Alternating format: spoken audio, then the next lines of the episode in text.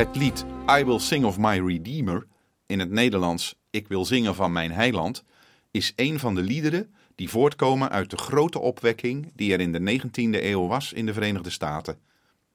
Het werd geschreven door de evangelist Philip Paul Bliss. Hij leefde van 1838 tot 1876 en was een van de meest vurige, rondreizende evangelisten uit die tijd. Veel van zijn liederen getuigen van de kracht van die opwekking en gaan voluit voor onze almachtige en liefdevolle God. Philip Bliss was van zeer eenvoudige afkomst. Hij werd in een blokhut geboren in Clearfield County in Pennsylvania.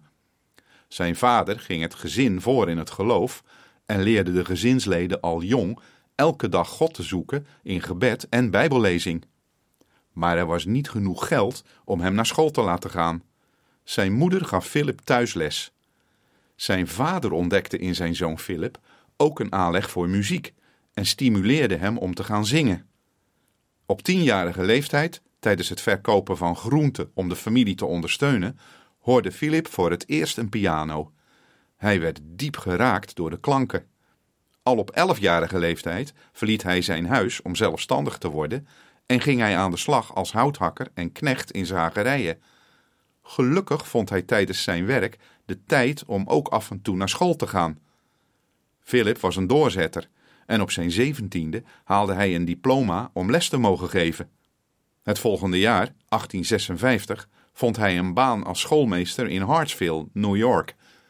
Pas in 1857, op zijn negentiende, kon zijn muzikale opleiding beginnen. Daar ging zijn hart naar uit. In een razendsnel tempo ontwikkelde hij ook zijn vaardigheden op muzikaal gebied.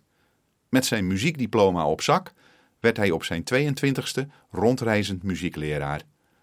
Te paard ging Bliss van dorp naar dorp, altijd vergezeld van zijn melodion.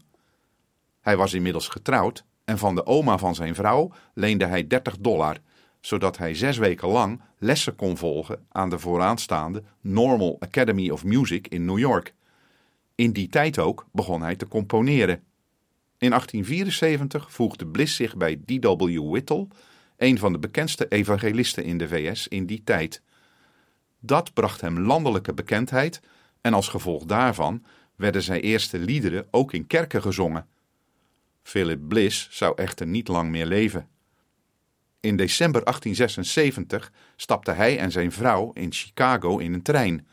Ze hadden in Chicago een evangelische bijeenkomst bijgewoond en wilden terugkeren naar hun woonplaats in Pennsylvania. Maar als hun trein een rivier oversteekt in Ashtabula, Ohio, stort de brug in en valt de trein in de ijzige rivier eronder.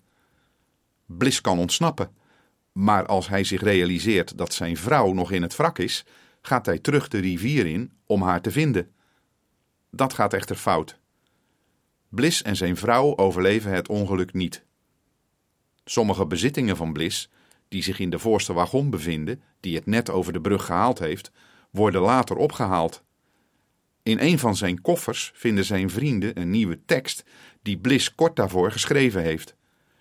De titel van die tekst is I Will Sing of My Redeemer. Er wordt gezegd dat Bliss tijdens de bijeenkomst in Chicago de menigte verteld heeft: Misschien kom ik hier niet weer terug. Het kan zijn dat hij een voorgevoel heeft gehad dat hij spoedig zijn verlosser zou ontmoeten. We weten het niet. Maar de tekst van zijn laatste lied is een prachtig afscheidsgeschenk van deze geliefde liederenschrijver. Hij moedigt ons voor de laatste keer aan om te zingen voor Hem die ons werkelijk vrij maakt. De tekst wordt, snel nadat hij is gevonden, op melodie gezet door James McGranahan, die ook zorgt voor de publicatie in 1877. Sindsdien is het lied niet meer weg te denken uit kerkdiensten, waar het meestal in kanon wordt gezongen. De tekst is een muzikale samenvatting van het reddende werk van Christus, wiens verzoenende dood mijn vergiffenis verzegelde, de schuld heeft betaald en mij heeft vrijgemaakt, zoals Bliss het beschrijft. Het refrein past zo goed bij de uiterst muzikale Bliss als hij schrijft: Zing, o zing van mijn verlosser, met zijn bloed kocht hij ook mij. Aan het kruis schonk hij genade, droeg mijn schuld en ik was vrij. Met deze woorden bevat het refrein de kern van het hele evangelie. In de coupletten beschrijft Bliss hoe hij wil verhalen van alle aspecten van zijn heiland die hij kent. Hij wil hem prijzen en van hem zingen. Luistert u naar de uitvoering van Ik wil zingen van mijn heiland door Joke Bruis.